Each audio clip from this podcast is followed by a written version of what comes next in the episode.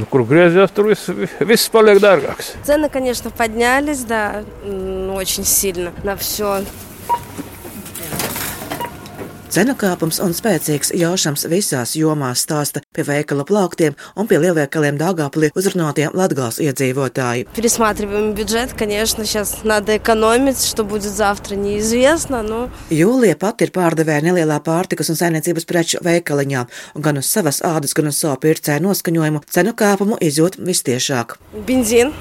Mūs vistiešāk skar degvielas sadārdzinājums un pārtikas cenas, vēl gaļai gaidāms cenu kāpums. Visam pamazām cenas kāpj. Es to ļoti labi šeit veikalā redzu. Ir smagi un bēdīgi skatīties, kā cilvēki izpērk sāli, griķus, putrājumus, toaletes papīru.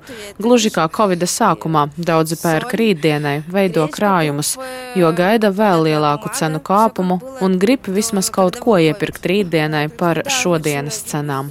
Хотят запастись, пока есть возможность хотя бы по таким ценам. Degviela, minerālā mēsla. Sanāk, mazāk brauksiet vai mazāk sēsiet? Gan jau, kur jau brauks, tā brauks tāpatās. Viņš ir jādomā, būs, uz kurieni braukt. Mēģinās kaut ko taupīt. Edgars no Augstdagavas novada Bebrnes pagasta zemnieku saimniecības cēlmi kopā ar meitu veikala izvēlas darba cimdus. Viņus satrauc to cenu kāpums, kas bremzē attīstību. Nu, ja pagājušajā gadā minerālā mēslus varēja nopirkt nepilni 300 eiro par tonu, tad šogad pa 700 un nevar dabūt. Kas notiek ar pārējām precēm? Piemēram, man ir pazīstami, kur saka, ka no būvprecēm ir trausmīgi dārgas, palikušas piecas reizes dārgākas pat kā metāli, man liekas, bija. Atsakās no kaut kādiem plāniem, paziņas. Un tiem, kuriem jau ir nauda, tie arī turpina. Tikai pārsteigti.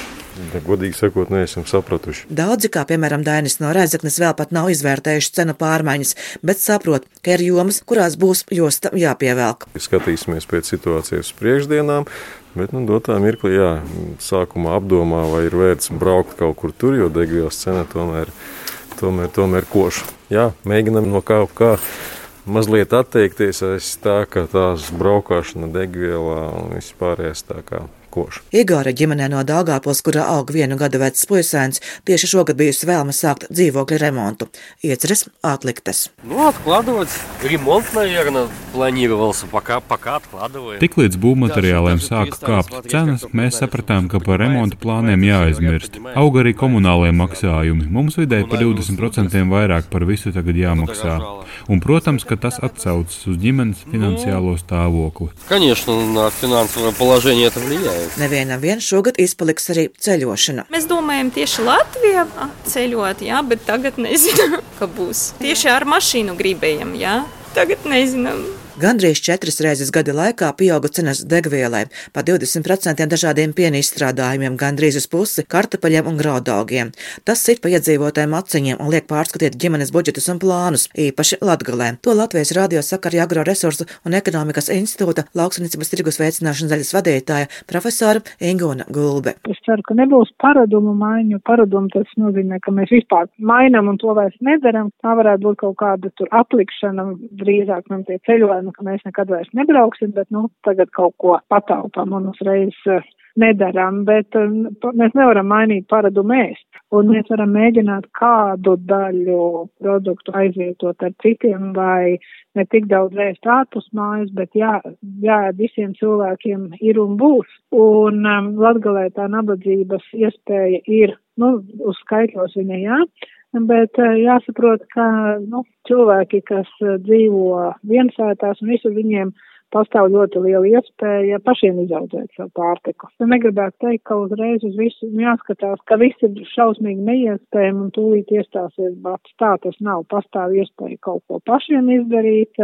un ne visi produkti, no kuriem kaut ko var pagatavot, nu, būs nepieejami. Bet to, ka daļa cilvēkiem būs grūtības, jo tā ir taisnība. Ja 2020. gadā vidēji katrs piektais Latvijas iedzīvotājs bija pakļauts nabadzības riskam, tad Latgalē katrs trešais. Pagaidām vismaz lielākajā pilsētā Dāngāplī, kur ir ap septiņiem tūkstošiem trūcīgo, vēl nav jaušams pieplūdums sociālo dienestu pēc palīdzības, stāsta dienestu vadītāja Līvija Drozde. Es šobrīd tādu milzīgu uzplūdu neredzu, jo skolās baro bērnus, bērnu dārzos baro bērnus, zupas virtuves, ja ir veselības pabalsti, tie, ko mēs maksājam par zālēm. Nu, tas ir vislielākā sāpe, ka zāles ir ļoti, ļoti dārgas kļūšas. Tas gan ir. Smagāk sakarā cenu kāpumu varētu būt tiem cilvēkiem, kuri strādā par minimālo algu, nesaņemot nekādu pabalstu. Jāpiebilst, ka kopumā Latgalē ir zemākā vidēja alga Latvijā - 896 eiro, kas ir gandrīz par 40% mazāk nekā galvaspilsētā Rīgā. Silvija Smagre, Latvijas radio studija Latgalē.